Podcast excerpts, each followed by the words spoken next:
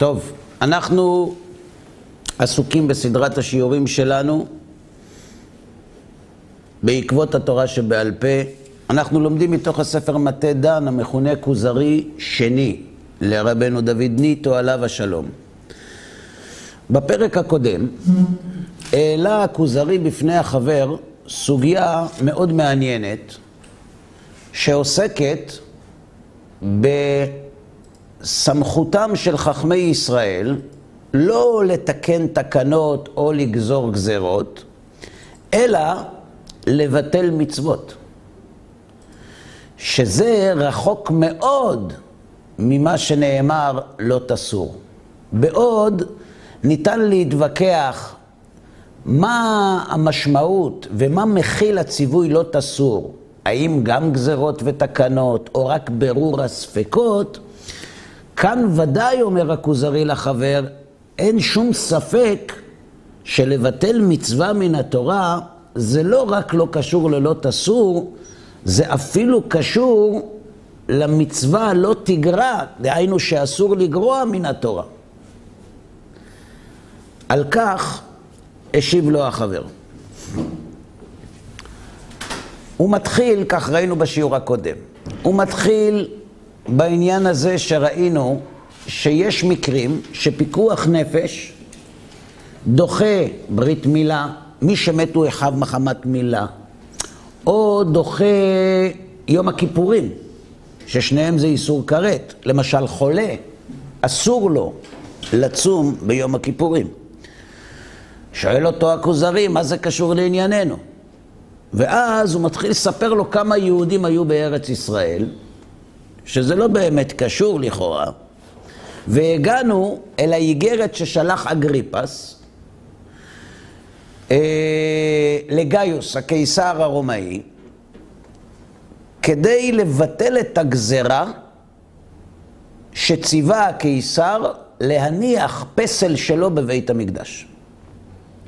בארץ ישראל באותה תקופה הייתה תסיסה מאוד גדולה בעקבות הגזרה הזאת, והם פנו אל הנציג של הקיסר בארץ ישראל, שמו היה פטרוניוס, והם התחננו לפניו שיעשה משהו, כי בשורה התחתונה, אחרי כל ההתנצלויות, לא יקרה.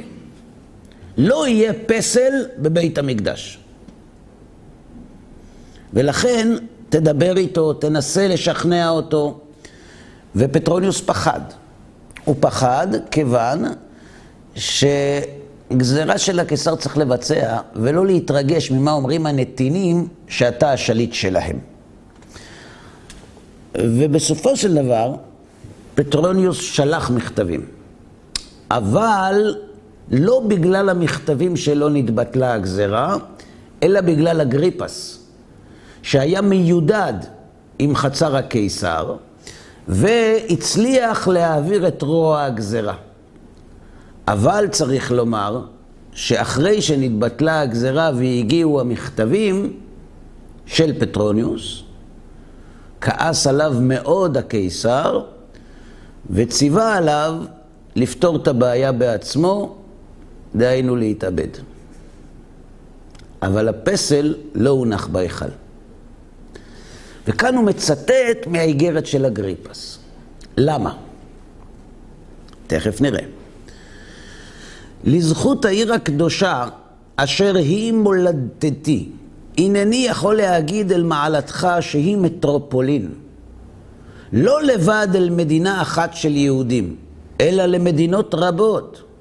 לסיבת התושבים אשר יצאו ממנה להיאחז בתוכן. כלומר, ארץ ישראל, המדינה שלי, היא לא רק מדינה גדולה בפני עצמה, אלא היא מדינה שמייצרת נתינים שמיישבים מדינות אחרות.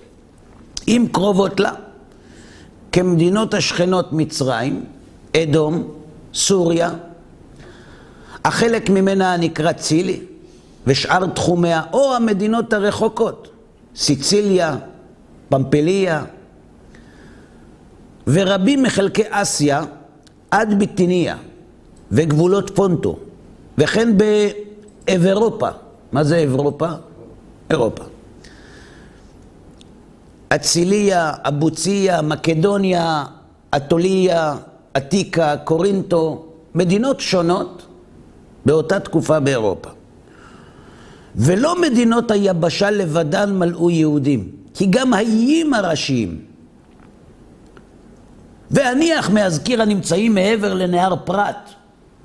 מה היה מעבר לנהר הפרת? בבל. בבל. כלומר, מחוץ לשלטונך. הנה כל עיר מבחר וכל חלקה טובה יהודים ישכנו בה עד כאן דבריו. למה הוא כותב לו את זה? הוא מסביר לו למה לא כדאי לו. תדע לך, יש יהודים בכל מקום. הוא לא מתכוון לזה, הוא מתכוון להגיד, אנחנו עם חשוב, תתחשב בנו. זה, זו דיפלומטיה.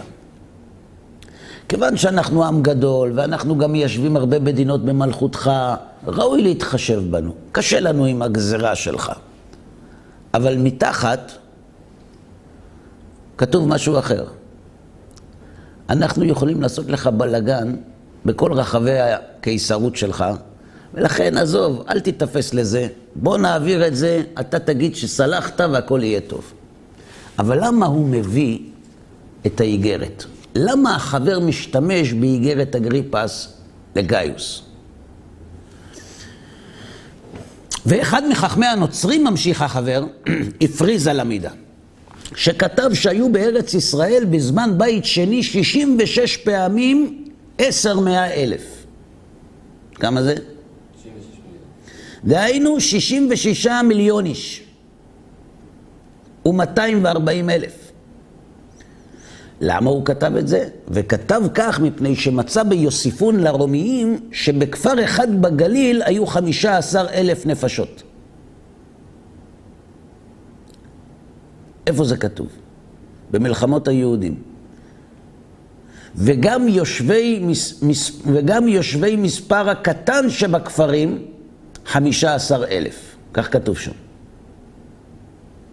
הוא אומר, כל הארץ יושבה בידי יושביה, ואין בה אף לא חבל שומם אחד, ובגלל ברכת האדמה הטובה, הרי הגליל רבות, והמון הכפרים מלאים אדם, וגם מספר יושבי הקטן שבכפרים, חמישה עשר אלף. אז הוא אמר, רגע, אם יש חמש עשרה אלף בכפר קטן, כמה יש בכל המדינה? הוא מדמה שזה הסך עצמו היה בכל כפר וכפר, כי זה מספר יושבי הקטן שבכפרים. ולכל עיר מוקפת חומה נותן תשעים אלף. ולכל שבט ושבט שישים עיירות מוקפות חומה, שהם חמישה מיליון וחמש מאות ועשרים אלף נפשות. ואם תרבה אותם במספר 12, יעלו לסך הנ"ל של 66 מיליון איש ו-240 אלף. אבל זו גוזמה. לא היו 66 מיליון. אבל היו הרבה. כשמישהו מגזים, הוא מתכוון להגיד המון. הוא מתכוון להגיד הרבה, הוא מתכוון להגיד פלא. אבל באמת זה לא נכון, וזה דבר שאין לו שחר. כי בבית שני לא היו אלא שני שבטים וחצי, כלומר החשבון מוטעה. הוא אומר לכל שבט ושבט שישים עיירות, מוקפות חומה, אבל כמה שבטים היו בבית שני? שניים וחצי, וכהנים ולווים. ואם היו שם קצת משאר שבטים, היו בטלים במיעוטם.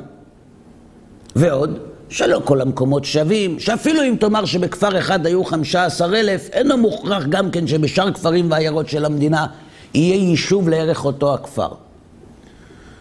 ואפילו תימה, שבמדינת גליל תהיה מיושבת הרבה, לא מפני זה תהיה מדינת יהודה כל כך מיושבת כמוה. ויהי מה, כולי עלמא לא פליגי, שמספר עם בני ישראל היה רב ועצום. זה לא משנה המספר, אז לא היה 66 מיליון, היו חמישה מיליון, עשרה מיליון, זה לא משנה. דבר זה לא ישוער ולא יסופר בין בארץ בין בחוץ לארץ. כלומר, המספר של היהודים בארץ ישראל בימי בית שני היה מספר משמעותי מאוד. טוב, אבל מה זה חשוב? מה חשוב מה אמר אגריפס לגאיוס? מה חשוב מה אומרים חכמי הנוצרים על המצב בארץ ישראל? ורובה דרובה היו בהכרח בעלי סחורה ומלאכה כדרך כל הארץ, לפי שבהכרח היו ביניהם איכרים וקורמים, חרשי ברזל ועצים, בנאים חייטים, ספרים וכובסים וכולי. ואחי איתה, ואכן כך כתוב, בשלהי ראש השנה. מה זה שלהי ראש השנה? בסוף מסכת ראש השנה. דרבן גמליאל פטר העם שבשדות מתפילות ראש השנה ויום הכיפורים מפני ששליח ציבור שבעיר מוציאם ידי חובתם. כלומר, היו כל כך הרבה אנשים שהיו גרים בפריפריה, בעיירות, בכפרים, בשדות, אמר להם רבן גמליאל, אתם לא צריכים לטרוח לבוא לעיר, תישארו בבית, השליח ציבור מוציא אתכם ידי חובה. וכן, אף על פי שאמרו, עם שאחור, שאחורי הכהנים אין בכלל הברכה, עם שבשדות הוא בכלל הברכה. מה הכוונה? שאחורי הכהנים אינו בכלל הברכה. אם שמתם לב, כשהכהנים עושים נשיאת כפיים, מי שעומד מאחוריהם בא לפניהם. למה? כי מי שמאחוריהם הוא לא בכלל הברכה. בדיוק. אז למרות שמי שנמצא מאחורי הכהנים לא בכלל הברכה, אמר להם, אתם יכולים להישאר בבית, הברכה של הכהנים טובה בשבילכם. נמצא, למה הוא מספר לנו במה הם עסקו ואיפה הם גרו? בשביל להגיע למסקנה הסופית. בואו נראה מה היה לנו עד עכשיו. עד עכשיו שאלנו שאלה, מה פתאום חכמים מבטלים מצווה? מה זה קשור לפיקוח נפש? והוא מתחיל לספר, היו המון יהודים בארץ ישראל, וגם אם זה לא נכון מה שאומרים שהיו 66 מיליון, אבל היו הרבה. וגם אגריפס אומר את זה, וגם חכמי הנוצרים אומרים את זה, והם עסקו כמובן בהרבה מאוד מלאכות, וגרו בפריפריה. בסדר, אז מה? אז מה? נמצא שרוב עם בני ישראל היו עמי הארץ, ומיעוטה דמיעוטה היו חכמים. כלומר, רוב העם עסק ביישוב הארץ. היו באים לשמוע דרשה בשבת בבית הכנסת, אבל לא היו בקיאים בהלכות, כמו החכמים. וכיוון שרובה היו עמי הארץ, ממילא לא היו בקיאים בדקדוקי מצוות. ולכן, כשחל ראש השנה וסוכות בשבת, הוא רוצה לדעת איך תוקעים בשופר. ילך אצל בקי עם השופר, או עם הלולב, כדי שיתקע או יברך לו, או כדי ללמוד נטילתו או ברכתו.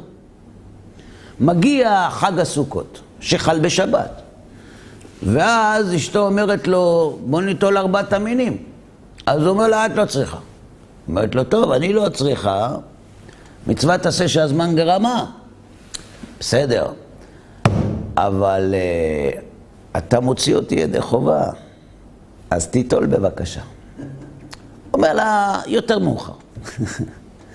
מגיע צהריים, אומר לה, תשמעי, אני... את האמת, לא יודע איך נוטלים לולב. אז היא אומרת לו, תלך לרב. לא נעים, תלך לרב, מה לא נעים? לא הביישן למד, שמענו בדרשה של פרקי אבות. אמר, טוב, לוקח את הלולב, הולך לרב. איך שהוא מגיע לבית של הרב, הוא רואה יש תור, אומרים לו, קח מספר. הוא אומר, למה? אנחנו כולנו לרב. למה? לא יודעים איך ליטול לולב. נו, מה הבעיה עם זה? ויוליכנו ארבע אמות ברשות הרבים, ויבוא לידי איסור סקילה, ואף אם יתרו בו ויגידו לו, מה אתה הולך עם לולב בשבת ברחוב? אסור! לא ישמע לכל מוריו, כי יאמר שאינו רוצה לבטל המצווה. אני, אתם תמנעו ממני ליטול לולב? לא יהיה. כתוב בתורה צריך ליטול לולב, אני אטול לולב. אמרו לו, כן, אבל זה אסור ללכת ברשות הרבים. בסדר, בסדר. כלומר, יש סיכון כפול. א', שהוא יטלטל ברשות הרבים. אבל כשבן אדם בא לטלטל ברשות הרבים בשבת רגילה את חפציו, אם בא מישהו ואומר לו זה אסור בשבת, יכול להיות שהוא יעצור. אבל אם הוא חושב שהוא עושה מצווה, הסיכוי שהוא יפסיק הוא מאוד נמוך.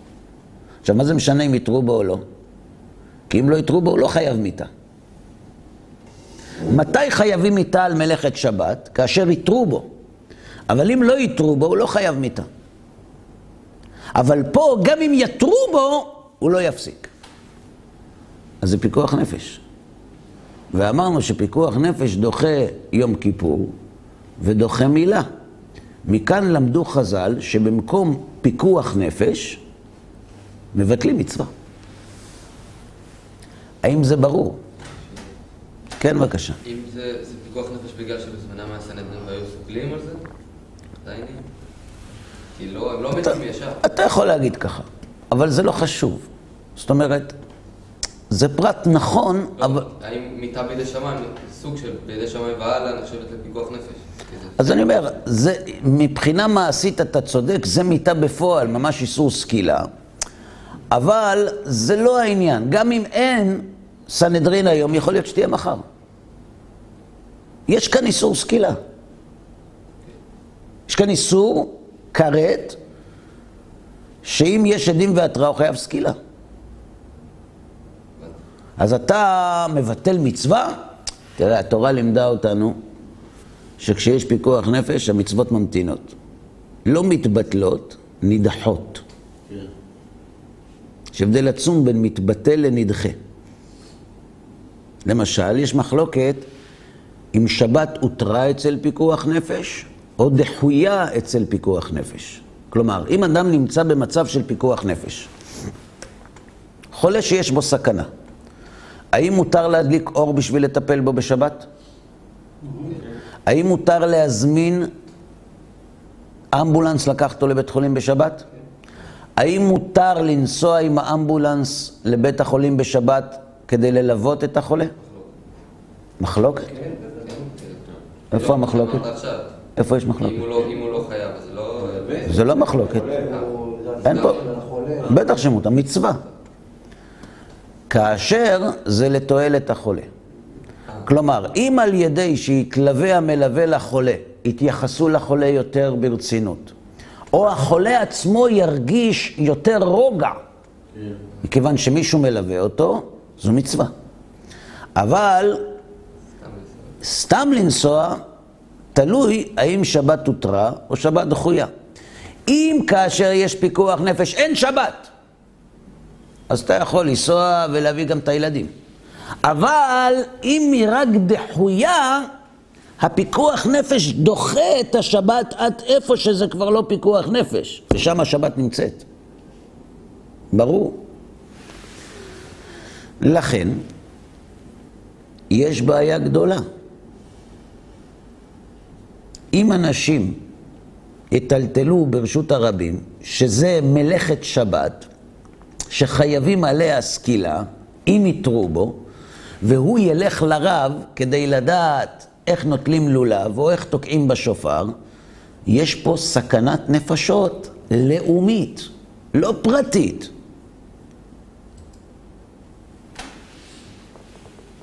לכן ביטלו. בדיוק כמו ביום כיפור ובמילה. אמר הכוזרי, לא, לא נוח לי עם התשובה הזאת. אומר לו, למה? ולמה לא יטה אוזנו למלמדיו? עטו בראשי עסקינן. אני לא מבין. הוא הולך לרב כדי שהרב ילמד אותו הלכות. אז אם יבוא רב בדרך ויגיד לו שאסור לטלטל את הלולב, למה שהוא לא יקשיב לו? הרי הוא מקשיב לרב. הוא יודע עד כמה הוא לא יודע את ההלכות שהרב יודע. אז למה הוא מוסר את נפשו כדי ליטול לולב ולא מקשיב לרב? האמת זה קיים גם היום. יש אנשים שהתמימות והדבקות שלהם לקיים את ההלכה היא כל כך גדולה שההלכה לא מעניינת אותם. ככה נהגו אצלנו.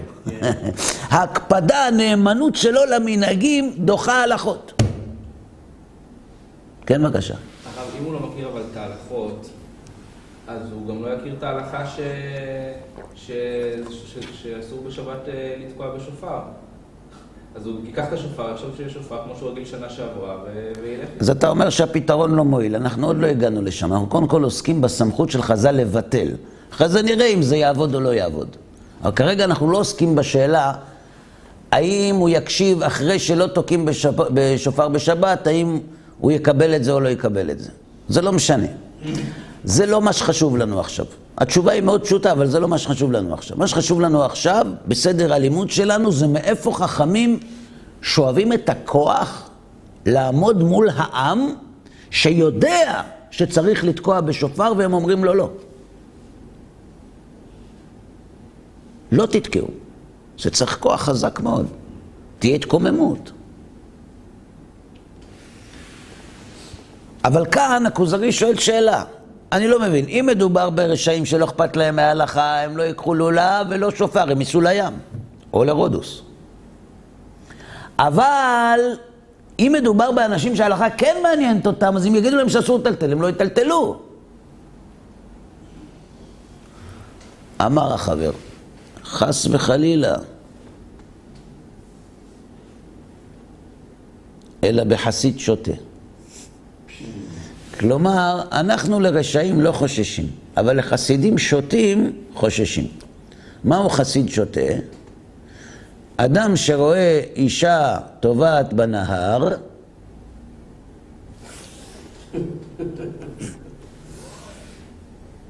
זה חסיד שוטה.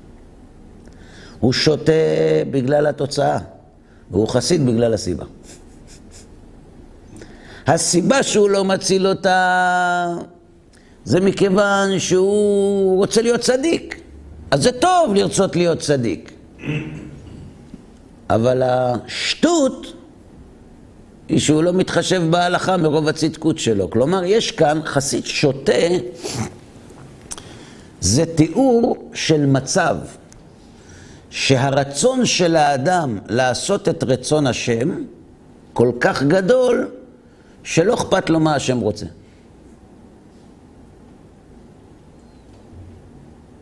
וזה יש הרבה. כן, בבקשה. יש איזה עניין כזה, כאילו, חכמים ביטלו, אז בעצם זה כתוב בתורה שצריך לתקוע בשופר גם ביום שבת. אמר הקדוש ברוך הוא לא ידע שיהיה מצב כזה שפעם אנשים... בתורה כתוב, יום תרועה יהיה לכם. אז הקדוש ברוך הוא שזה גם יכול לקרות בשבת, לא? כן. אז איך, אז אם הוא היה אומר, בשבת אל תתקעו בשופר. שאלה מצוינת. אתה אומר, במקום לחסוך את כל הסיפור הזה, תגיד שבשבת לא יתקעו. שתי תשובות בדבר. דבר ראשון, תשובה ראשונה, אם כולם צדיקים, תוקעים בשבת. כי כל הסיבה שביטלו את התקיעה בשבת, זה לא כי לא צריך לתקוע בשבת, כי זה פיקוח נפש. למה זה פיקוח נפש? כי החסידים השוטים לא יקשיבו לרבנים וילכו לרבנים שילמדו אותם בשבת איך לתקוע ויחללו שבת. אבל אם כולם צדיקים, לא? רגע, שנייה, אתה, רגע, אתה עוד לא קיבלת תשובה על השאלה הראשונה, אתה עובר לשנייה? אם כולם צדיקים, תוקעים בשבת או לא? כן. לכן הקדוש ברוך הוא לא כותב בתורה לא לתקוע בשבת. אם הקדוש ברוך הוא יכתוב בתורה לא לתקוע בשבת, זה אומר שלא ייתכן שכל עם ישראל יהיו צדיקים. כי כשכל עם ישראל צדיקים, תוקעים בשבת. תשובה ראשונה. תשובה שנייה. אז פיקוח נפש לא דוחה שבת. מה זאת אומרת? פשוט.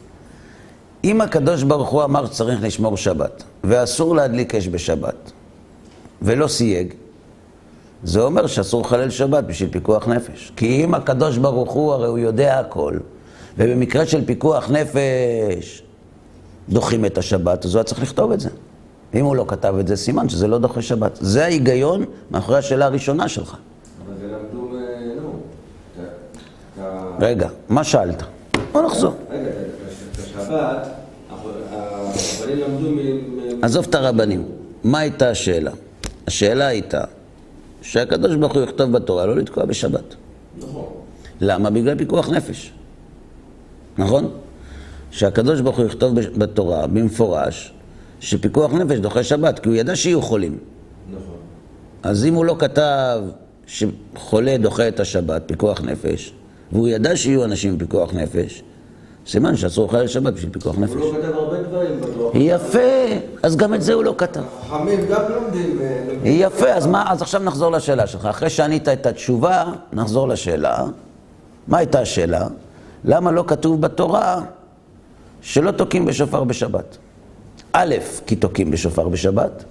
ג', כי אם יהיה מצב שבו מסוכן לתקוע בשופר בשבת, חכמים יגידו שאסור. עכשיו, מה השאלה? לא, זה- זה הבנתי. אז הבנת, בסדר. לא ידעתי שאם זה שכולם צדיקים אז אה, לתקוע. בטח, הרי מה הסיבה שביטלו תקיעת שופר בשבת? כי הוא מסביר לך פה שהיו המון אנשים ועמי הארץ וגרים בפריפריה ובשדות ולא יודעים את ההלכות ויש סכנה שהם ילכו לרבנים בשבת עם השופר ביד. זה חילול שבת. למה היום לא תוקעים בשופר שהשאירו בשבת? רגע, שנייה. רגע. אז מה אנחנו למדים מכאן? שהסיבה שבגללה ביטלו את חובת תקיעת השופר בשבת, שהיא דאורייתא, ונטילת לולב בשבת, שהיא דאורייתא, בגלל פיקוח נפש. לא צריך לכתוב את זה בתורה. עכשיו מה אתה רוצה עוד? היום שיש אנחנו מסודרים מבחינת טלטול וכל הדברים האלה, למה אסור עדיין אתה שואל עכשיו שאלה חדשה. טוב, זה היה בזמנו. אבל היום יש עירוב, ואין בעיה לטלטל. נכון? ככה אתה אומר. אז למה היום עדיין לא תוקעים בשופר בשבת? זו השאלה. בהמשך תראה את התשובה. אני אתן לך רמז. קוראים לזה יצ'ג. לא נורא. לא נורא. יום טוב שני של גלויות. מה זה יום טוב שני של גלויות? בחוץ לארץ עושים יום טוב שני של גלויות. כן, נכון, אבל עזוב את ראש השנה. עכשיו היה חג השבועות, היה שבת ראשון, בחול גם שני. למה? למה עושים יום טוב שני של גלויות? כי פעם, לפני הרבה הרבה שנים, היו מקדשים על פי הראייה. ולא תמיד היו באים העדים בזמן שהשליחים יכולים להגיע אל המקומות הרחוקים. מספק עשו יום טוב שני. היום יש ספק? אז למה עושים יום טוב שני? אז יש הרבה שאלות מהסוג הזה שהתשובה עליהן היא אחת, נראה אותה בהמשך. בסדר? אבל זה לא היחיד.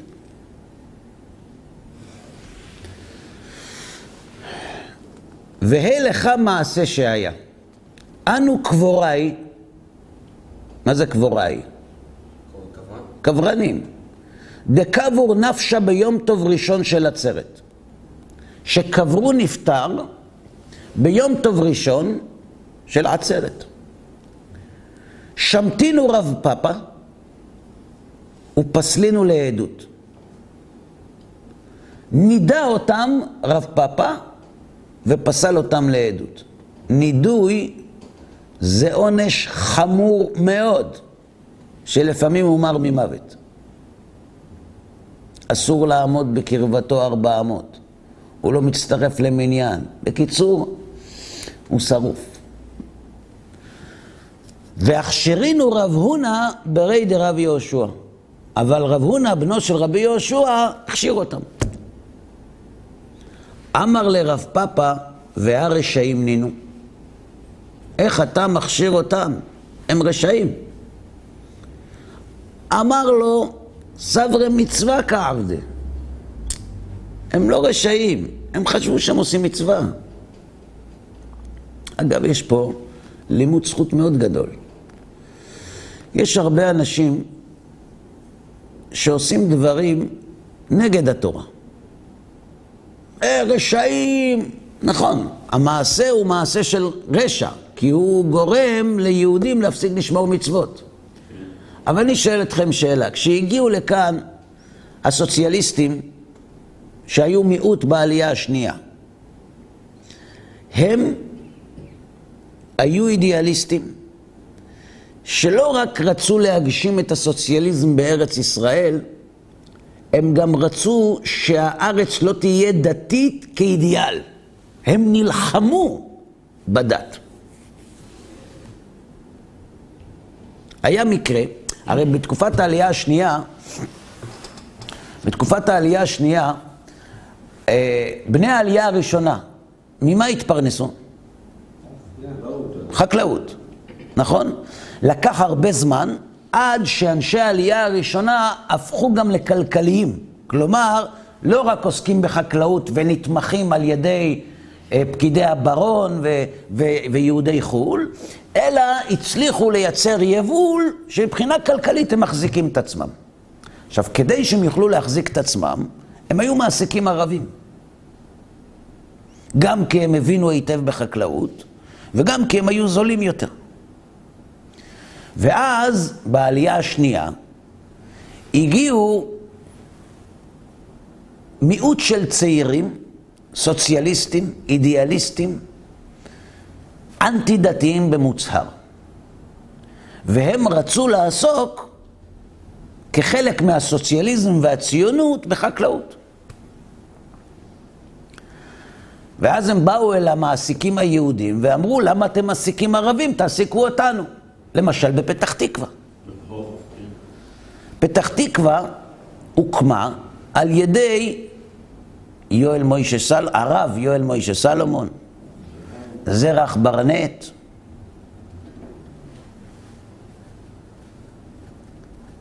זרח ברנט היה נשוי לאישה שאבא שלה היה עשיר מאוד. והוא, אחרי שהתחתן, היה גר בלונדון. הוא פתח שם בית חרושת, זו הייתה אז המהפכה התעשייתית, פתח בית חרושת, הרוויח הרבה כסף, ואז הגיע למסקנה שצריך ארץ ישראל, מכר את בית החרושת, לקח את כל הרווחים, בא לארץ, קנה פה בתים. הבעיה היא שמלקנות בתים בארץ באותה תקופה לא מרוויחים כסף, נגמר הכסף. השאיר את אשתו, נסע חזרה ללונדון, פתח בית חרושת, הרוויח כסף, סגר את הבית חרושת, בא לארץ, קנה בתים. נגמר הכסף, נסע עוד פעם. הפעם השלישית שהוא חזר, אשתו אמרה לו לרבנות בבקשה. אני צוחק איתך. בוא נלך לרבנות. הלכו לרב. אמר לו הרב, אשתך צודקת. אתה באמת משוגע. אמר לו, אז יש בעיה, אם אני משוגע אני לא יכול לתת גט. יואל מוישה סלומון היה נכד של שלמה זלמן צורף, שעשה רבות ליישוב הארץ ונרצח על ידי ערבים בירושלים. הוא למעשה אפשר את שיבת היהודים האשכנזים לירושלים. הרי ליהודים אשכנזים היה אסור להיכנס לירושלים. כן. למה ליהודים אשכנזים אסור להיכנס לירושלים? אה? לא. יש קשר רבי יהודה החסיד, אבל לא לצבא. רבי יהודה החסיד עלה עם קבוצה מתלמידיו לארץ ישראל ונתיישב בירושלים. וקנה שם חצר גדולה, והחצר הזאת עלתה בדמים מרובים, אבל אנשים הלוו כסף לרבי יהודה החסיד, כי הוא היה אדם מפורסם וסמכו עליו. הבעיה היא שכמה ימים אחרי שהם הגיעו לירושלים הוא נפטר, והתלמידים שלו נשארו עם חובות לערבים ולא היה להם איך לשלם. אז הערבים גירשו אותם, והחריבו את החצר של רבי יהודה החסיד. לכן קוראים לזה חורבת רבי יהודה החסיד. לא בגלל שהחריבו את הבית כנסת. הבית כנסת נבנה מאוחר יותר. ולכן כל יהודי אשכנזי שהיה מגיע לירושלים, היו באים אליו הערבים, אומרים לו, תשלם את החוב. אז הם לא יכלו לבוא. אז הוא, שלמה זלמן צורף, שהיה הסבא של רבי יואל מוישה סלומון, הוא הצליח לקבל אישור מאת השלטון העות'מאני שיהודים אשכנזים יוכלו להתייצב בירושלים ולשמט את החובות. בפתח תקווה היו חרדים שהעסיקו בשדות שלהם ערבים. ואז הגיעו העולים הסוציאליסטים בעלייה השנייה ואמרו, אנחנו רוצים לעבוד בחקלאות. נו, אז נכון שקצת יותר יקר, אבל עבודה עברית, כמו שאומרים. פיטרו את הערבים והביאו את היהודים. אגב, זה יצר מתח מאוד גדול ביישוב, כי הערבים חשו מאוימים בגלל החקלאים הציונים הצעירים. אלא שאז קרה דבר מעניין. אחד האנשים שהעסיק את הצעירים האלה, ביום הראשון שביקש מהם להתפלל הם הסכימו, אבל ביום השני הם כבר לא הסכימו. ואז יום אחד הוא שומע שהבן שלו, שהוא לקח אותו כדי לעזור לו בחריש, מחזיק צד אחד של המחרשה, ואיזה צעיר סוציאליסטי מחזיק בצד השני, והוא מלמד אותו למה אין אלוהים. אז הוא פיטר אותם, והחזיר את הערבים. כי הם ערבים, אמנם, לא עבודה עברית, אבל לפחות הם לא משכנעים שאין אלוהים.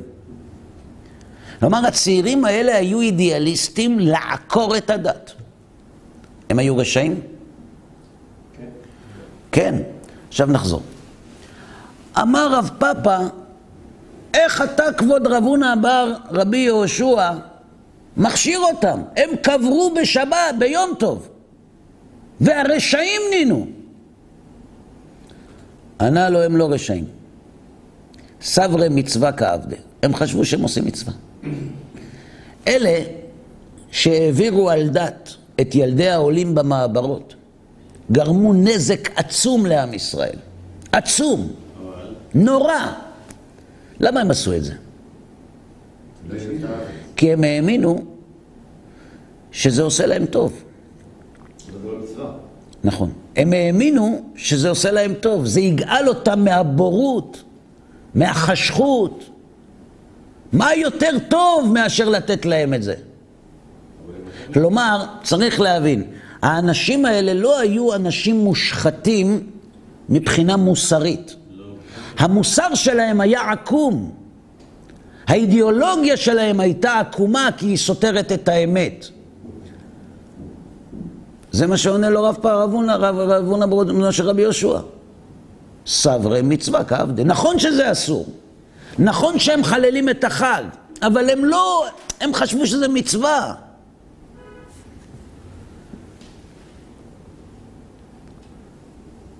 והכא משמתינן להו, הרי אנחנו מנדים אותם. אם מנדים אותם, זה לא מצווה. סברי כפרה כעבדלן רבנן. הם חושבים שהנידוי שעושים להם זה בשביל, בשביל כפרה. וכתב רש"י, ופסלינו לעדות, משום שכר ממון עוברים על דת, ועוול הוא כרשע דחמאס, כלומר אל תהיה עד רשע, עד חמאס, נכון? והמשמתינן להו על הראשונה, וחוזרים ושונים בעבירה. אז למה הם יחזרו לעשות עבירה? סברי איידה שמתינן משום כפרה הוא על שעברנו ולא משום שנעד ארבן, אלא מותר לחלל יום טוב משום המצווה ונשב בנידוי משום כפרה. נכון שזה אסור, אבל אנחנו, יש מצווה לקבור, אנחנו נקבור ומוכנים לשלם את המחיר. ינדו אותנו, זה יהיה לנו כפרה. כלומר, הם החזיקו שהם עושים מצווה. נכון שנידו אותם, אבל הנידוי שווה את המצווה. כי הנידוי יהיה להם כפרה. ברור. כלומר, יש אנשים שהרבנים אומרים להם אסור, והם בכל זאת עושים, כי הם חושבים שצריך לעשות וזה מצווה, אלא מה, הם עברו על יום טוב, אז יהיה להם כפרה על ידי הנידוי.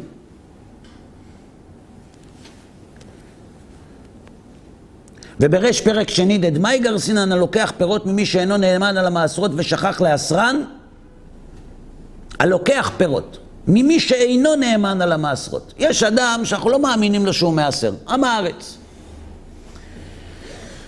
ושכח לאסרן, מי שלוקח פירות ממי שחשוד על המעשרות, הוא צריך לאסר לפני שאוכל או לא?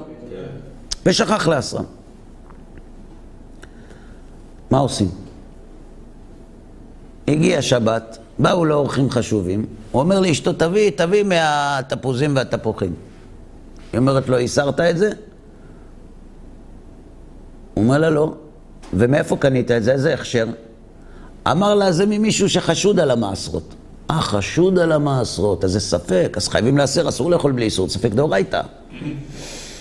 טוב, בוא נאסר, אסור בשבת. אבל יש אורחים.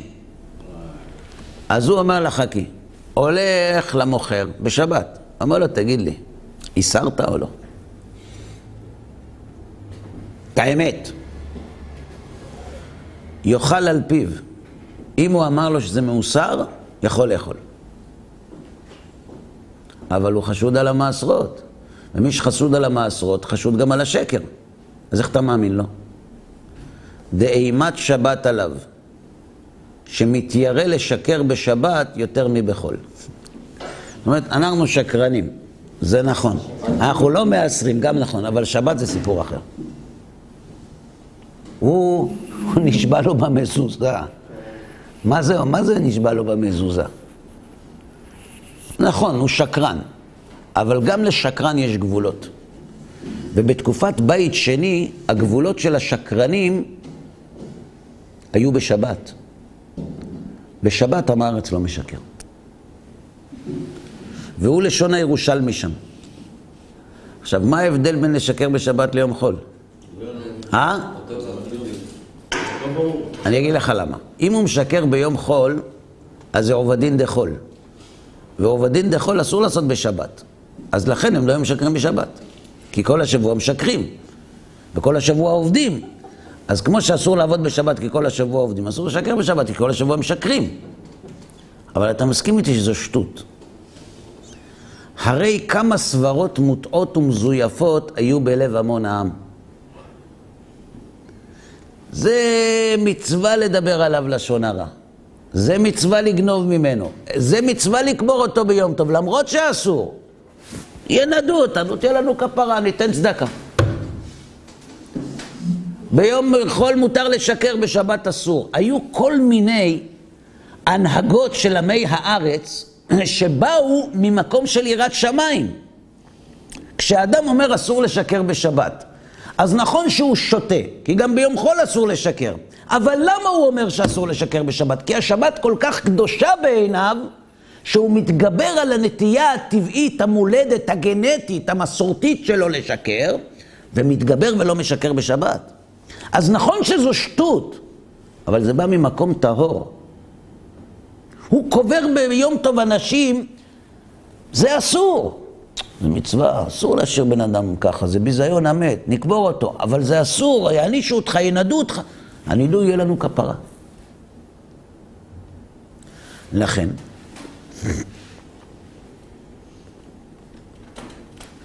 והנה בחיינו ובימינו מעשים שבכל יום מכמה וכמה שעושים מן העיקר טפל ומן הטפל עיקר. ומחמירים בקל ומקילים בחמור. לפי שיש בכל מקום ובכל זמן עמי הארץ.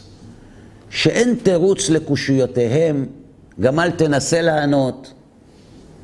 ולא ישמעו לכל מלחשים וכגון אלו יהיו מוליכים לולב ושופר ברשות הרבים ועוברים על איסור סקילה. יש פיקוח נפש גדול מזה?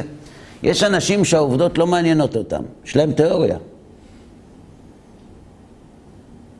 הוא ייטול לולב, חוק ולא יעבור. למשל, יש אנשים שהם פותחים רוצים לפתוח את המקרר בשבת, ומישהו אומר לו, אל תפתח.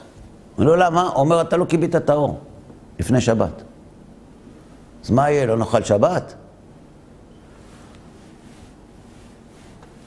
עונג שבת יותר חשוב. עכשיו, למה הוא פותח את המקרר? איך אפשר לצום בשבת? שבת. עונג שבת, מה אתם עכשיו עושים לי? הנה מנורה, כן מנורה, בונה, עומד לי ככה, מתפלפל ליד המקרר. תפתח, שבת היום. זאת אומרת, מתוך כוונה תמימה וטהורה, מחללים שבת. ויש כאלה גם היום, אומר רבי דוד ניטו. ואם הוא היה חי היום, הוא היה אומר, יש כאלה גם היום. בכל דור יש כאלה, גם בבית שני. ולכן תקנו חכמים משום פיקוח נפש, שלא יתלו לולב בשבת ושלא יתקעו בשבת. כן, בבקשה. אה, נגיד ה... זה, זו סיבה אחת, יש עוד סיבה. נגיד נוצרים, מוסלמים, הם בטוחים שהם עושים מצווה בזה שהם, אה, שהם עובדים עבודה זרה, או עובדים מה שהם עובדים. אז הם מקבלים איזה שכר, זה... לא שכר? לא שכר, הם כאילו, לא יבואו להם בטרוניה על זה? אני חוזר על שאלתך. אתה שואל, האם אלה שעבדו עבודה זרה, מתוך כוונה טובה, הם האמינו שזה נכון, האם הם יענשו על זה או לא? שתי תשובות. תשובה ראשונה, מה אנחנו מסיקים ממה שלמדנו עד עכשיו?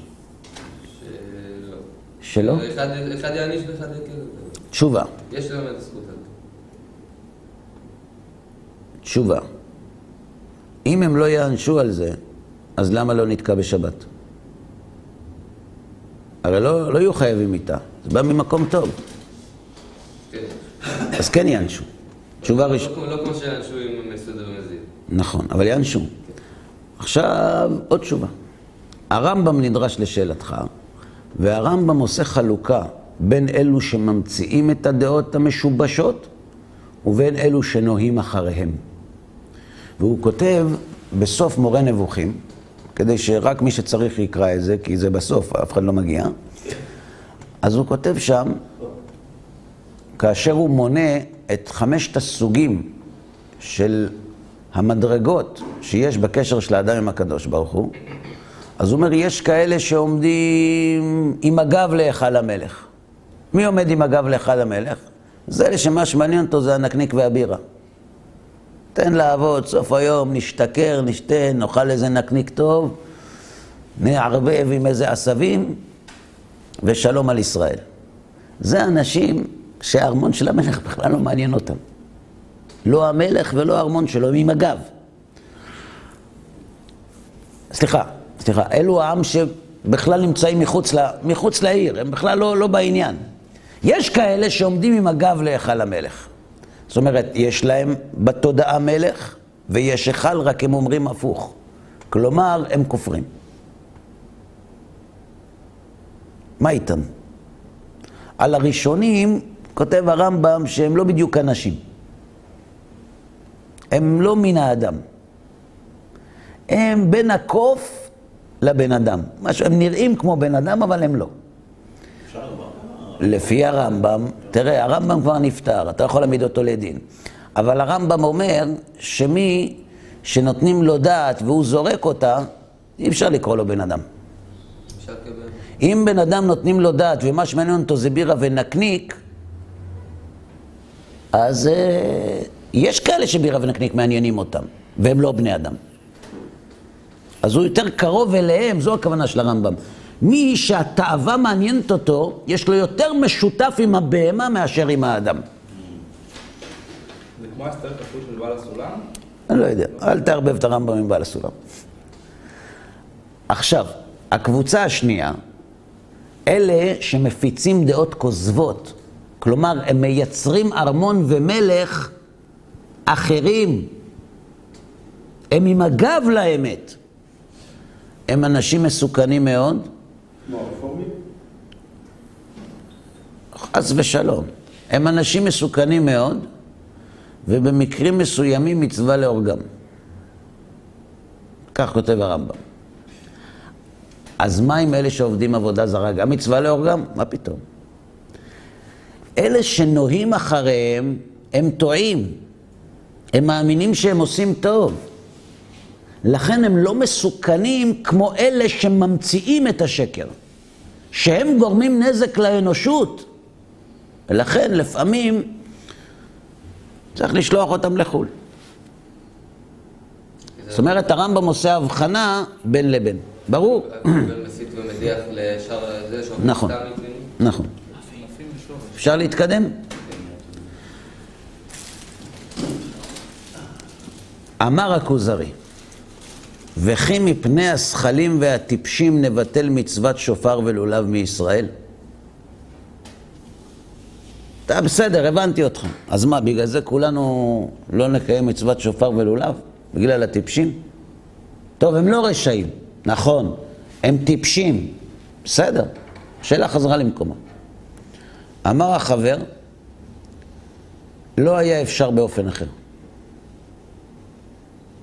מה כתוב כאן? כתוב כאן שהטענה צודקת.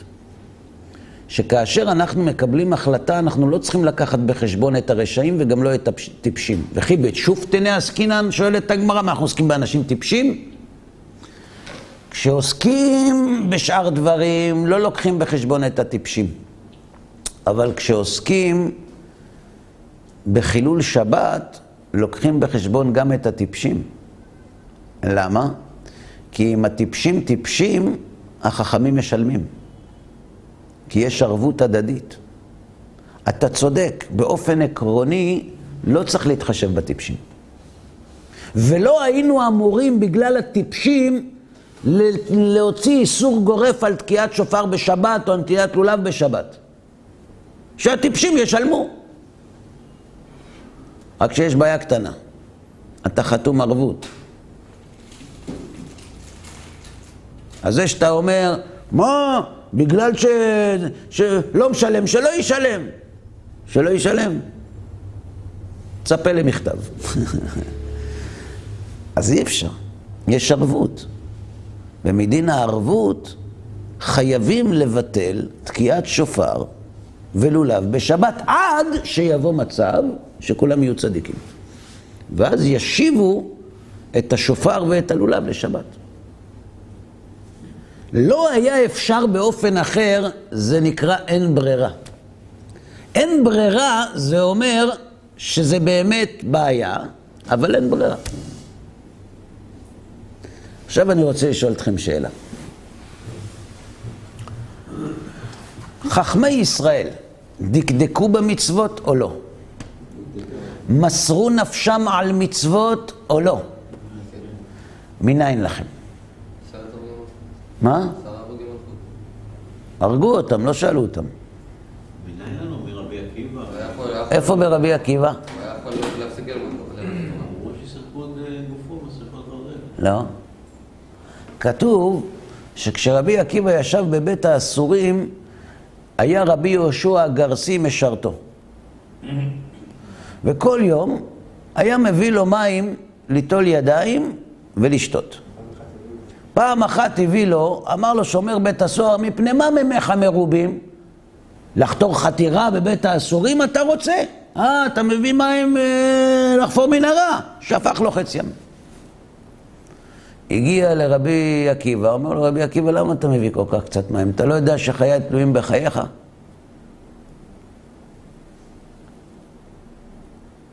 אמר לו, שפכו לי את המים. לקח את המים, נטל ידיים. אמר לו, רבי, תשתה את הפיקוח נפש. אמר לו, כדאי אני שלא אעבור על דברי חבריי. זאת אומרת, רבי עקיבא דקדק עד כדי כמעט פיקוח נפש, לא בפסיקה שלו, בפסיקה של חבריו. כלומר, שחכמי ישראל מאוד מאוד נזהרו והקפידו, לא בדאורייתא, בדרבנן. בדרבנן שלא לשיטתם, כי הם היו חסידים, ולמדנו במידת החסידות של הרמח"ל, שהחסיד נזהר גם בדעה שהיא לא להלכה.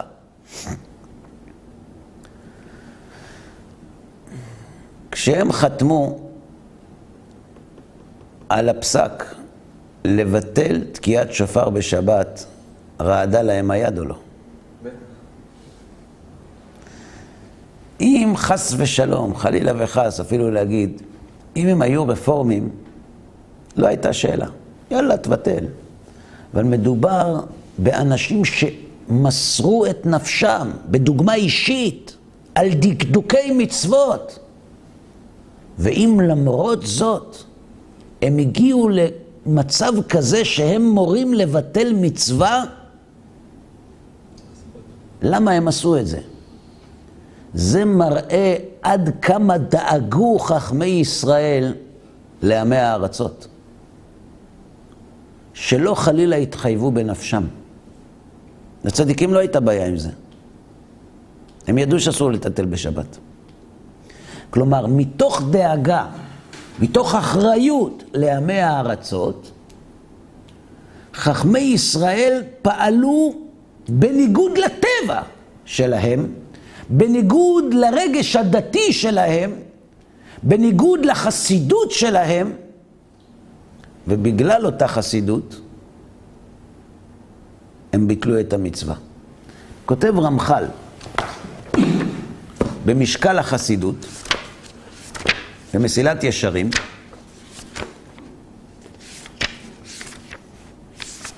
שמשקל החסידות, כלומר האיזונים, זו האומנות הכי עדינה במידת החסידות.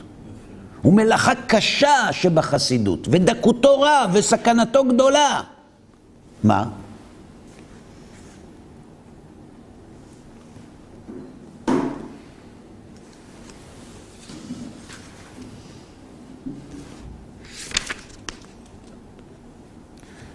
הרי לך שאין לדון בחסידות המעשה באשר הוא שם לבד.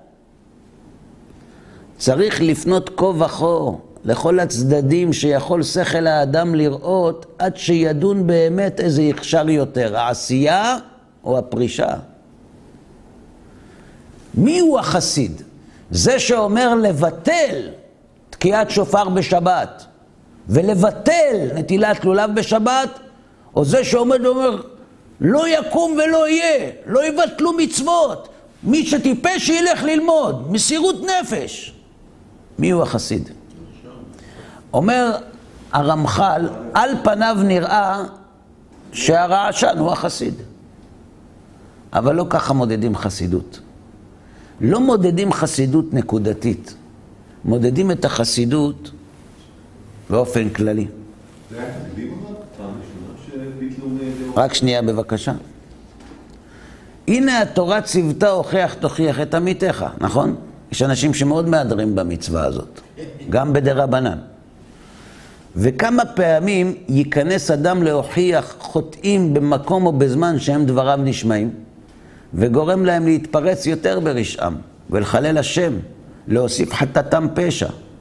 וכיוצא בזה, אין מן החסידות להוכיח, אלא לשתוק.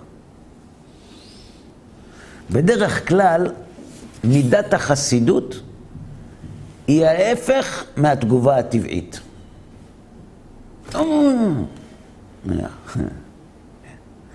לכן, כשחכמי ישראל ביטלו, ביטלו מצווה דאורייתא של נטילת לולב, שזה נגד כל המהלך של חייהם. למה הם עשו את זה? מתוך דאגה ואחריות לעמי הארץ, שלא יבואו לידי פיקוח נפש. ומה עושים עמי הארץ? כופרים בסמכותם של החכמים בגלל שהם דאגו לחייהם וביטלו מצווה מן התורה. הבנתם? כתוב בפרשת וירא, שאברהם אבינו מנהל עם הקדוש ברוך הוא משא ומתן על אנשי סדום. אם יהיו חמישים צדיקים, הוא אומר לו לא אשחית. לא אשחית בעבור העשרה. היו בסדום עשרה צדיקים? לא. אז מה קרה לסדום? נחרבה. התהפכה. עכשיו, אומר רבי אלופיאן עליו השלום, בואו נניח שהיו עשרה צדיקים בסדום. הייתה מתהפכת או לא? אה? כן. אם היו עשרה צדיקים. אם היו שם. הקדוש ברוך הוא אומר לא אשחית בעבור העשרה. אז הייתה נחרבת או לא? לא. ואנשי סדום היו קוראים למחרת בעיתון שהם היו צריכים להיות היסטוריה ובסוף זה נמנע? כלומר, אנשי סדום היו יודעים שהם היו צריכים להתהפך ולא התהפכו? לא, לא כי לא התהפכה סדום, הכל בסדר. השמש זרחה. והם היו יודעים שסדום הייתה צריכה להתהפך ולא התהפכה בגלל הצדיקים? לא. אז מה היה קורה אם אנשי סדום למחרת בבוקר היו רואים את הצדיקים בשוק? היו אומרים להם פרזיטים, לכו לעבוד. והם לא יודעים שרק בגלל עשרת הצדיקים הללו, סדום לא התהפכה. באים חכמי ישראל ומתקנים תקנה קשה לבטל מצווה. למה הם עושים את זה? כדי להגן ממצב של סכנת פיקוח נפש על העם שבשדות. ואז מגיע האיש מהשדה, ואומר, עזב, החכמים האלה ממציאים הכל מדעתם. הנה, תראה, ביטלו מצווה מן התורה, זה קשור ללא תסור? עד כאן להיום.